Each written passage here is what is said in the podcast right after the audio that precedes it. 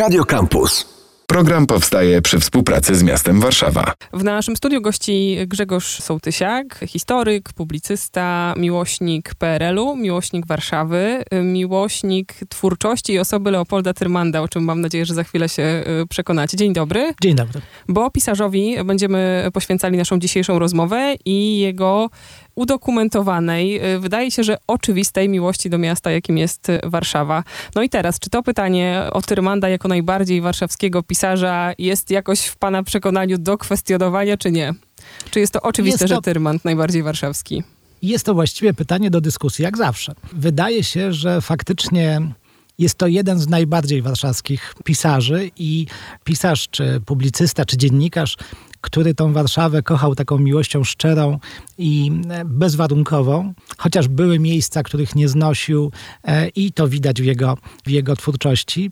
No, na przykład nie znosił Pałacu Kultury i on się bardzo rzadko, a właściwie prawie w ogóle nie pojawia w jego twórczości, więc e, on kochał przede wszystkim Warszawę, tą przedwojenną, tą tuż powojenną, tą taką wznoszącą się ze, z gruzów, taką odważną w tym wszystkim i E, taką, która była niepokonana. I właściwie poświęcał tej Warszawie jakieś takie e, całe epistoły pełne miłości, pełne tęsknoty, więc to, to była taka ogromna miłość. Ogromna miłość, e, zresztą miłość można powiedzieć odwzajemniona przez Warszawę, bo warszawiacy do tej pory pamiętają go, traktują jako takiego legendarnego pisarza, który pisał o Warszawie, chociaż tak naprawdę w twórczości tej najbardziej znanej e, twórczości Tyrmanda, to jest, no to jest przede wszystkim zły.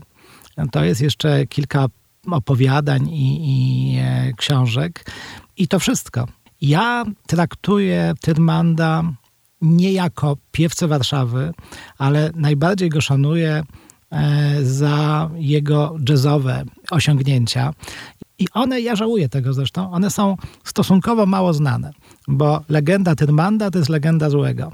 To jest Warszawa, która już nie istnieje właściwie e, i która nigdy nie istniała. To jest taki, to jest taki kowbojski, sensacyjny e, wizerunek Warszawy z tym e, szeryfem, z tym byłym zbrodniarzem, który odpowiada za grzechy i który jest tym pierwszym sprawiedliwym, z tymi takimi postaciami biało-czarnymi, piękną dziewczyną niezdobytą, a z drugiej strony kobietą upadłą. Mamy tam wszystko, mamy tam pełną taką kliszę. To, to wszystko, czego właściwie Polakom e, w połowie lat 50. brakowało. I dlatego ta legenda jest taka niosła i taka, no taka właśnie tajemnicza. Ale dla mnie Tyrmand jest postacią wielo, wieloznaczną i, i, to jest Tyrmand, który zajmował się sportem. To jest Tyrmand, który zajmował się, jak mówiłem, jazzem. To jest Tyrmand dziennikarz. I wreszcie na końcu to jest Tyrmand pisarz. Taki pisarz, który właściwie powinien robić to wszystko e, na zachodzie albo w Stanach. Tam byłby milionerem. Tutaj ale próbował, prawda? Jeśli się wczytamy próbował. w biografię, to jednak próbował. sporo lat na emigracji. E, próbował, ale Przede wszystkim emigracja to jest e, w dużym stopniu publicystyka. On oczywiście wydawał książki, ale to są książki napisane w Warszawie i o Warszawie. Więc to, to jakby te, to czasy zmusiły go do tego, żeby wydawać to na emigracji, a potem amerykańska część e, jego twórczości to jest przede wszystkim publicystyka i to publicystyka bardzo polityczna. Właściwie przestał zajmować się jazzem właściwie w ogóle nie, nie, nie pisze o sporcie, no bo i skąd? No, tutaj, tutaj żył Legią, tutaj żył Polonią, tutaj żył e, meczami bokserskimi, tenisowymi. I ja zresztą zachęcam miłośników Tyrmanda, mam nadzieję, że tacy słuchają, żeby sięgnęli po sportowe opowiadania. To będzie na, pe na pewno dla nich duża niespodzianka i te sportowe opowiadania dużo mówią o Tyrmandzie jako o człowieku, który ceni postawę fair play, który ma taki jasny kodeks moralny. E, to wszystko widać właśnie w tych opowiadaniach sportowych, a złego tak naprawdę napisał dla pieniędzy. Między nami leży ważna książka, nazwana Nie taka zła, przewodnik po Warszawie Leopolda Termanda, której nasz gość jest autorem. I może jeszcze tego sportowego wątku chciałabym się złapać, bo kiedy się przegląda, przygląda się mapie miejsc związanych z Termandem, czy to miejsc, w których dzieją się jego y, powieści, czy też takie, w których on sam bywał, to wydaje mi się, że tutaj mało tych obiektów sportowych. Czy on nie był czynnym sportowcem? Po pierwsze, mało jest sportowych obiektów. Kawiarnie bo, dominują. Bo, tak, bo Warszawa tych lat 50., która właściwie lata 50. i lata 60., nie była znowu tak specjalnie, mm, jakbyśmy to nazwali, usportowiona obiektowo. Basen to jest marzenie ściętej głowy. Korty tenisowe, no to właściwie jest trochę tych kortów tenisowych, y, przede wszystkim korty Legii. Stadiony, no nie ma ścieżek rowerowych, nie ma takich miejsc, gdzie można by było się rozwijać, ale jest przede wszystkim imka. Imka, która była na mapie tej takiej biednej, zburzonej Warszawy, no właściwie czymś niezwykłym, bo nie wychodząc z tego budynku, a pamiętamy, że tam Tyrmand mieszkał przez, przez długi czas, można było pływać, można było grać w kosza, e, można było uprawiać boks no nie można było grać w tenisa, ale, ale te wszystkie takie halowe i, i y, pływackie sporty były w zasięgu ręki i to wszystko uprawiał Tyrmand. Zresztą to jest, to jest przedmiot mojej ogromnej sympatii do Tyrmanda, bo Tyrmand był nieduży, e, z tendencjami do tycia, uwielbiał grać w koszykówkę, uwielbiał boks, nie powiem, że był łamagą, jakbyśmy to tak nazywali, ale był takim bardzo, można powiedzieć, entuzjastycznym amatorem sportu e, i uwielbiał sport. E, I to widać było w jego podejściu, chociaż mówiąc e, w kategoriach takich współczesnych, kompletnie się do tego nie nadawał. E, na boisku koszykarskim był e, zazwyczaj najmniejszy, ale był szybki, ambitny. Podobnie słabo grał w tenisa. Zazwyczaj zdarzały mu się właśnie takie porażki, tak, tak zwany rowerek tenisowy, czyli 6-0, 6-0 ale grał bardzo ambitnie i uwielbiał, uwielbiał tenis. Pływał, chociaż akurat tutaj niespecjalnie wiemy o jego sukcesach, w każdym razie nigdy się nie topił na basenie, ale to wszystko robił właśnie z ogromnym entuzjazmem, uwielbiał to. Trzeba też pamiętać, że on właściwie ciągle miał jakieś dolegliwości takie jakieś żołądkowe, to co wiemy właśnie z, z dziennika 54 roku, to jest zresztą rzecz, o której warto, to dzieło, o, której, o którym warto też opowiedzieć, a mimo to E, później, jak już nie za bardzo grał, to jednak był takim zaciętym kibicem e, sportowym. Ale to wzbudzało zawsze moją sympatię, bo też, też jestem nieduży i też uwielbiam grać w koszykówkę. I też gram w tenisa, chociaż e, moglibyśmy spokojnie grać właśnie ze sobą na podobnym poziomie. Skoro pan już go tak dobrze opisał, w sensie jego wygląd, fizjonomię, to myślę, że warto też dodać oczywiście, że był eleganckim mężczyzną. Czerwone skarpetki, które się kojarzą z Tyrmandem, ale ja myśląc wczoraj o tej postaci, postanowiłem postanowiłam odszukać jego głosu, więc jeżeli ktoś ma ochotę, to można też sprawdzić, jak Leopold Tyrmand oczywiście mówi o jazzie. Nagrania są w internecie, więc i taki aspekt tej osoby jest y, do y, poznania. Przenosząc się do miejsc, które z Tyrmandem są y, związane, to czy on przy całej swojej miłości do Warszawy jakoś mniej żywił tę miłość do prawej strony miasta, w sensie do tej praskiej? A wie pani, troszeczkę tak. E, okolice jak Nowego Światu, Placu Trzech Krzyży, Starego Miasta, krakowskiego przedmieścia, to był jego świat. To prawda, ale przecież gdzieś się musiał ubierać jeździł na ciuchy, widział te, czy, czy bywał na tych bazarach, to, gdzie można było kupić, e, zobaczyć jakieś właśnie, mówię ciuchy, bo no, tak to się wtedy nazywało i to, to, były, to były te rzeczy, które przesyłano w paczkach ze Stanów Zjednoczonych, z Wielkiej Brytanii i sprzedawano za jakieś horrendalne pieniądze i on się w tym wyżywał i to była też taka ważna część jego, jego życia. On był faktycznie elegancki, ale niekiedy przypinano mu taką łatkę, przyklejano mu łatkę bikiniarza. On nie był bikiniarzem i on y, jakby może nie tyle cenił tych y, ludzi, którzy byli bikiniarzami. Dla osób, które nie wiedzą, to, to była taka grupa undergroundowa, która ubierała się w tak trochę karykaturalny sposób, jak sobie wyobrażali, jak się ubiera młodzież na, na zachodzie. Czyli długie, prawie do, do kolan e, kraciaste marynarki, wąskie spodnie, buty na na słoninie, znowu to, to trzeba powiedzieć, co to znaczy na słoninie, na grubej gumowej podeszwie, do tego bajecznie kolorowe krawaty, równie kolorowe bardzo często zresztą gryzące się koszule, długie włosy zaczesane, znowu też y, nowa rzecz na kaczy Cooper. No i to, to, to tak miał wyglądać taki rasowy bikiniarz. Gdybyśmy postawili obok Tyrmanda, to jest po prostu elegancki, angielski dandys, można powiedzieć, z wyższej klasy, e, gdzie jest to wysmakowana elegancja do właściwie do każdego guzika, do każdej sznurówki, który zresztą miał e, lekką obsesję na, na punkcie czystych butów, odpowiedniego kroju kołnierzyka przy koszuli.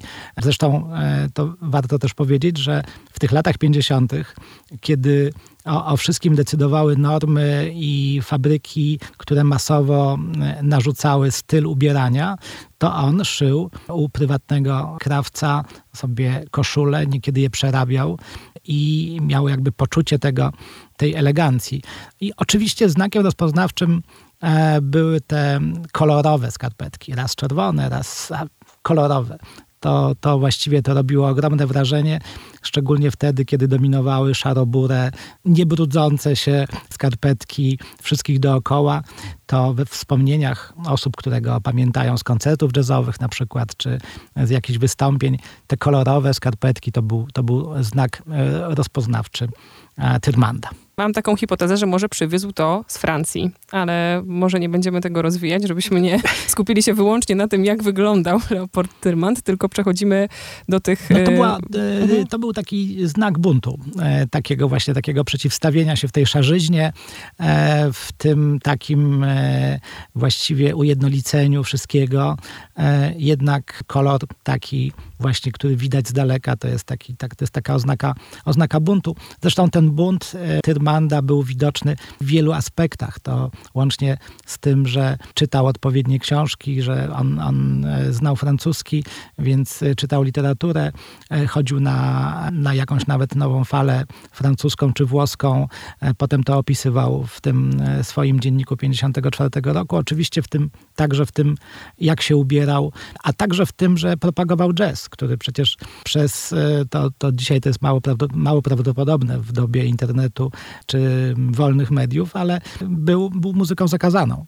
Więc nagle tutaj trzeba też pamiętać, że jeden z pierwszych koncertów, który prowadził Tyrmand i on go właściwie zorganizował, odbywał się w Imce. I dosłownie kilkanaście miesięcy później władze na przykład zniszczyły cały zbiór płyt jazzowych, które, e, które były przysyłane ze Stanów i które były udostępniane chętnym. To nagle wszystko się skończyło i nikomu już nawet e, mówienie takie z przymrużeniem oka, że to jest muzyka prześladowanych w Ameryce murzynów, którzy chcą w ten sposób pokazać swoją miłość do wolnego świata, czytaj do, tutaj do krajów demokracji ludowej, jak to się wtedy nazywało, to też nie pomagało. Więc e, ta jego działalność i to, że już w 1955 roku prowadził koncerty jazzowe, które zresztą cieszyły się ogromnym powodzeniem, no to to jest, to jest właśnie ta postawa i to są te elementy takie mówiące wiele o, o Tyrmandzie i o jego stosunku do, rzeczywistości. I on w tej swojej jazzowej działalności przewija się też obok świetnie opisanej historii jazzu w książce Magdaleny Grzebałkowskiej w biografii Krzysztofa Komedy, więc jeżeli tak. ktoś ma ochotę o jazzie i Polsce jednocześnie, to y, tam odsyłamy. I A... jeszcze jedno też, mhm. y, co też y, wzbudza moją sympatię, i on kompletnie nie miał słuchu. Był entuzjastą, on rozumiał jazz, ale te jego takie próby króciutkie to były raczej słabe. To może do tych y, muzycznych punktów na mapie przejdźmy, bo oczywiście ten Plac Trzech Krzyży jako ta oczywista, teraz by się powiedziało miejscówka, tam zaczyna się zły, tam mamy aptekę, kiosk, no i obok Spatif jako myślę, że jeden z tych y, pierwszych przystanków. Co dalej z tych miejsc, które wiążą się i z muzyką, i z kulturą, i z Tyrmandem oczywiście? Powiem szczerze, że zaskoczyła mnie pani tak wiążąc Spatif z muzyką. Właśnie bo... sama sobie pomyślałam, że ja go dzisiaj wiążę z muzyką, a kiedyś miał chyba inny charakter. Właśnie, bo, bo co prawda faktycznie dzisiaj e, są tam e, koncerty, są tam nawet e, potańcówki i, i, jest tam sporo takich rzeczy związanych z muzyką, ale e, dla Tyrmanda to był początek tak zwanego szlaku hańby. E, czyli nazwanego. takiego kawiarniano, imprezowego, trochę alkoholowego szlaku, gdzie zaczynało się to właśnie w Spatifie, czyli w restauracji właściwie dla artystów, gdzie były tańsze, tańsze obiady, gdzie można było e, zjeść obiady na talony w związku e, właśnie Spatifu.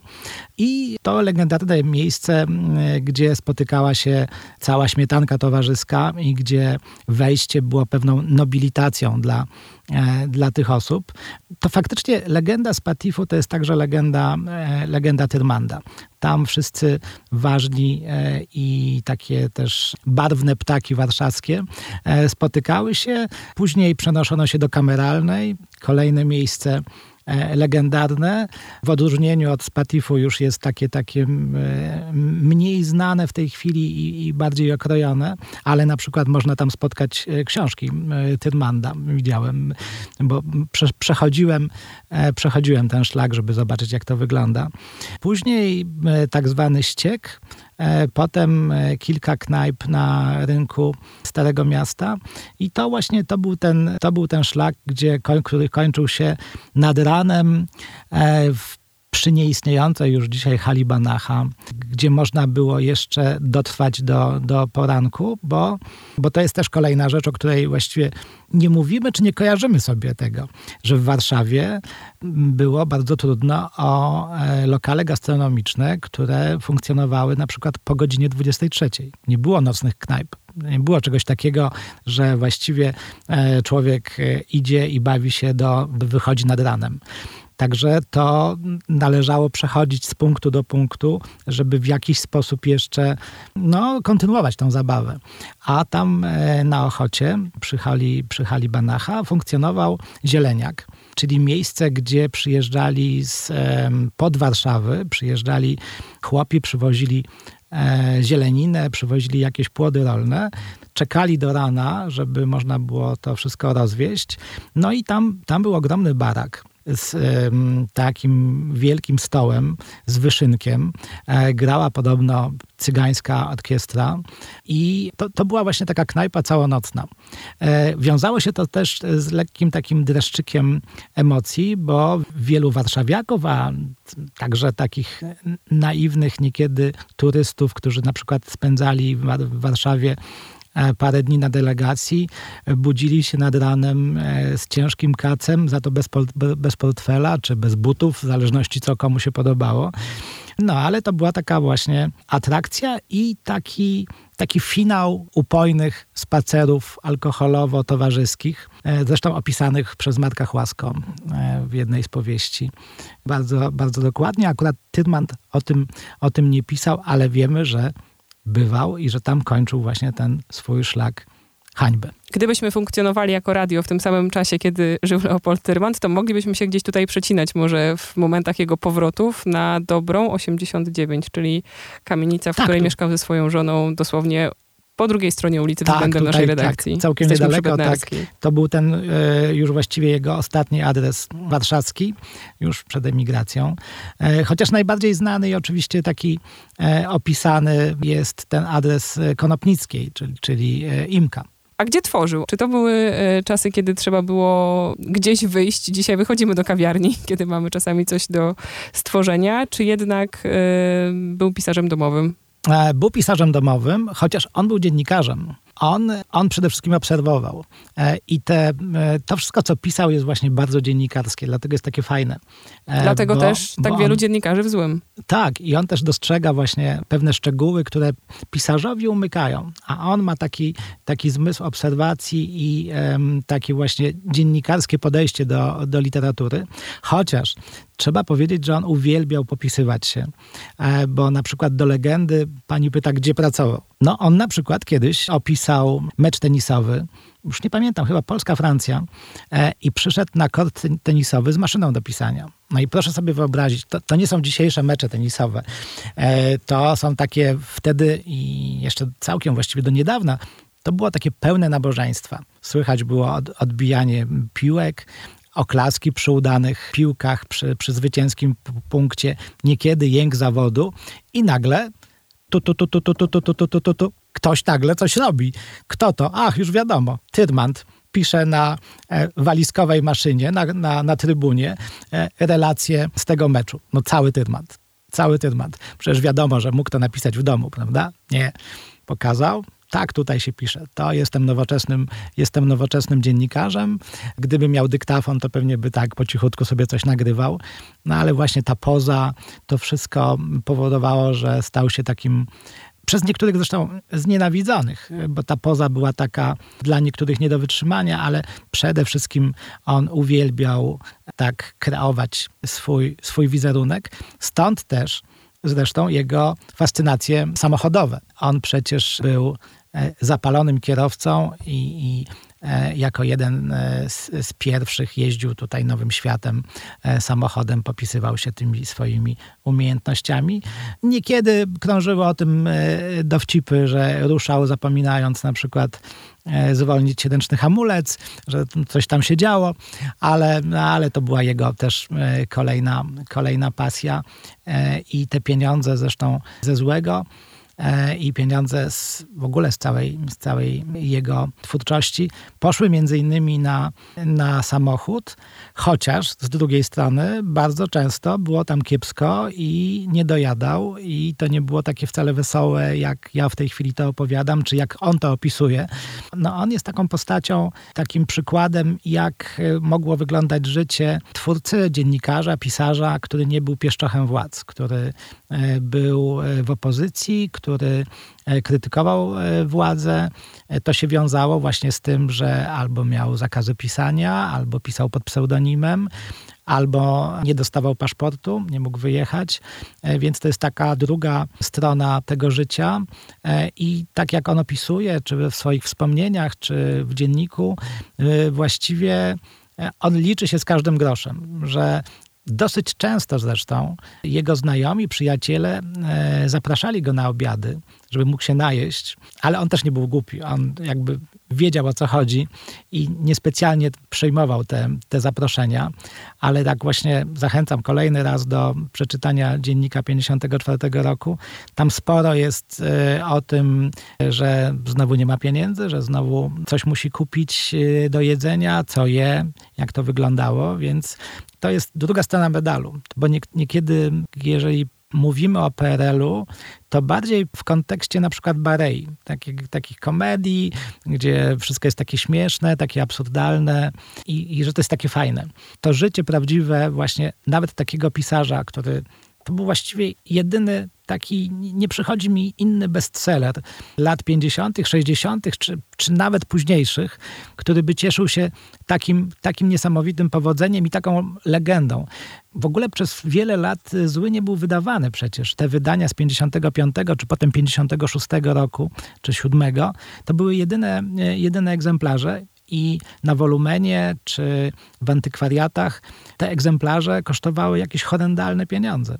Ja zresztą do tej pory, teraz mamy ogromny wybór książek Tyrmanda i właściwie możemy wybierać między złym w okładce klasycznej, złym w takim i, i siakim, ale kiedyś to było coś niesamowitego. Ja pamiętam, czytałem taki tekst o socjologiczny, o tym, jak naukowcom udało się wejść do środowiska właśnie tego takiego praskich łobuziaków i jeden z z naukowców opisuje, że skusił Herszta takiej bandy młodzieżowej, żeby udzielił mu wywiadu socjologicznego za to, że pożyczył mu złego na dwa czy na trzy dni. I ten chłopak taki łobuziak właśnie, taki, um, który miał jakieś szemrane życie i szemrane interesy, przez te dwa dni przeczytał złego. To już jest niesamowite, że w ogóle ktoś czyta książki.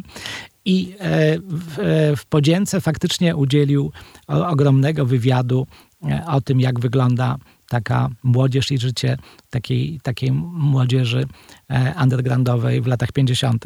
Także to było coś niesamowitego. Móc przeczytać złego, móc zanurzyć się w tej Warszawie niestety nieistniejącej. Bo ja pisząc przewodnik i trochę jakby jakby to powiedzieć, ścigając się z czasem, widziałem, jak na moich oczach e, kolejne miejsca już przestają, nie, nie istnieją.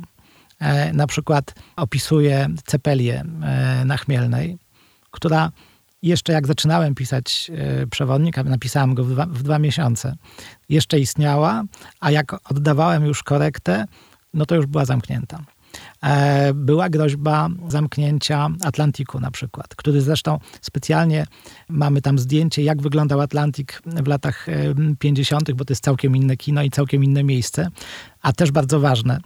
I no, no problem, może nawet nie problem, e, jakby no taki jest los Warszawy, że Warszawa tak szybko się zmienia i tak szybko się, nie chcę powiedzieć, że się rozwija, że po prostu właśnie zmienia się, e, że przewodniki, które, które ja, pis, ja piszę, czy e, rzeczy, które są związane z Warszawą, często stają się już taką opowieścią historyczną, że właściwie nie można zaproponować z czystym sumieniem e, jakiejś trasy spacerowej w takim przewodniku, będąc pewnym, że to wszystko istnieje. Akurat w przypadku e, tego szlaku kawiarnianego, tego szlaku hańby, no to powiedzmy, że jest, że, jest, że jest to wszystko w porządku. Ale na przykład gdybyśmy zaproponowali, czy chcieli zaproponować taki szlak kinowy, no to już będziemy mieli problemy. I tak, tak z, wieloma, z wieloma zresztą jest e, innymi obiektami. No ale w sumie takie jest życie, prawda? No, Warszawa w 22 roku i Warszawa prawie 70-80 lat e, wcześniej to już, są, to już jest inne miasto, chociaż miłość do Warszawy jest ta sama. A jak dzisiaj e, Tyrmand jest obecny w mieście? Pamiętam sprzed kilku lat odsłonięcie muralu na Placu Trzech Krzyży. Dzisiaj próbowaliśmy ustalić redakcyjnie, czy po drugiej stronie naszej ulicy jest tabliczka na kamienicy, że mieszkał tam Leopold Tyrmand. Nie zweryfikowałam tego szczerze mówiąc. Tyrmand, znaczy tak, no faktycznie trochę jest takich obecności. Jest taki fragment ulicy łączący e, Konopnicką, to znaczy Imkę i na Imce jest tablica pamiątkowa, łączący właśnie Konopnicką e, z Placem Trzech Krzyży, chociaż szczerze mówiąc, gdybym gdybym był Tyrmandem i, i przeszedłbym się tą uliczką, po prostu... Było panu smutno. byłoby mi smutno. E, Tyrmand żyje przede wszystkim w publikacjach. No, jest tego naprawdę w tej chwili dużo i już każdy, kto ma ochotę spojrzeć e, nawet i przeczytać e, nawet jakieś właśnie takie opowiadanie, o którym mówię, które jest mało znane, bez trudu może, może wejść do pierwszej lepszej księgarni i może, może kupić sobie. Tak jak mówiłem, na przykład w Spatifie nie ma nawet zdjęcia Tyrmanda, ale w kameralnej jest e, na kontuarze w barze że tak mi się zrymuje, jest, e, są wystawione e, książki, taki symbol, że tam właśnie bywał Tyrmand, że, że on tam był. To mnie, to mnie tak ucieszyło, ale generalnie to jest wszystko właściwie. No on istnieje w tych filmach właściwie, we fragmentach książek. Nie ma, no, no ma, swój, ma, swój, ma swój zaułek, ma tą tablicę e, i tyle. Tyle. No taka jest, taka jest ulotna sława, można powiedzieć. Chociaż gdybyśmy teraz wyszli z tego studia i zapytali studentów e, czy nawet mieszkańców, to myślę, że 90% kojarzyłaby Tyrmanda i coś mogłaby powiedzieć. I to jest, szczerze mówiąc, największy dowód pamięci i to jest najważniejsze, właściwie co zostaje po człowieku, to znaczy pamięć. Pamięć, która jest zawarta właśnie w książkach, która jest zawarta w tych różnych miejscach, o których się mówi, że tam bywał Tyrmand. I, I to jest ważne. To jest ważne. Ważniejsze moim zdaniem od e, ulic, od tablic pamiątkowych, od pomników. E, pamięć jest najważniejsza w tym wszystkim. Grzegorz Sołtysiak gości w naszym studiu. Nie taka zła przewodnik po Warszawie Leopolda Tyrmanda to książka, która połączy pisarza i miasto inaczej niż robił to w swojej literaturze. Dziękuję bardzo. Dziękuję bardzo. Program powstaje przy współpracy z miastem Warszawa. Radio Campus. Same sztosy.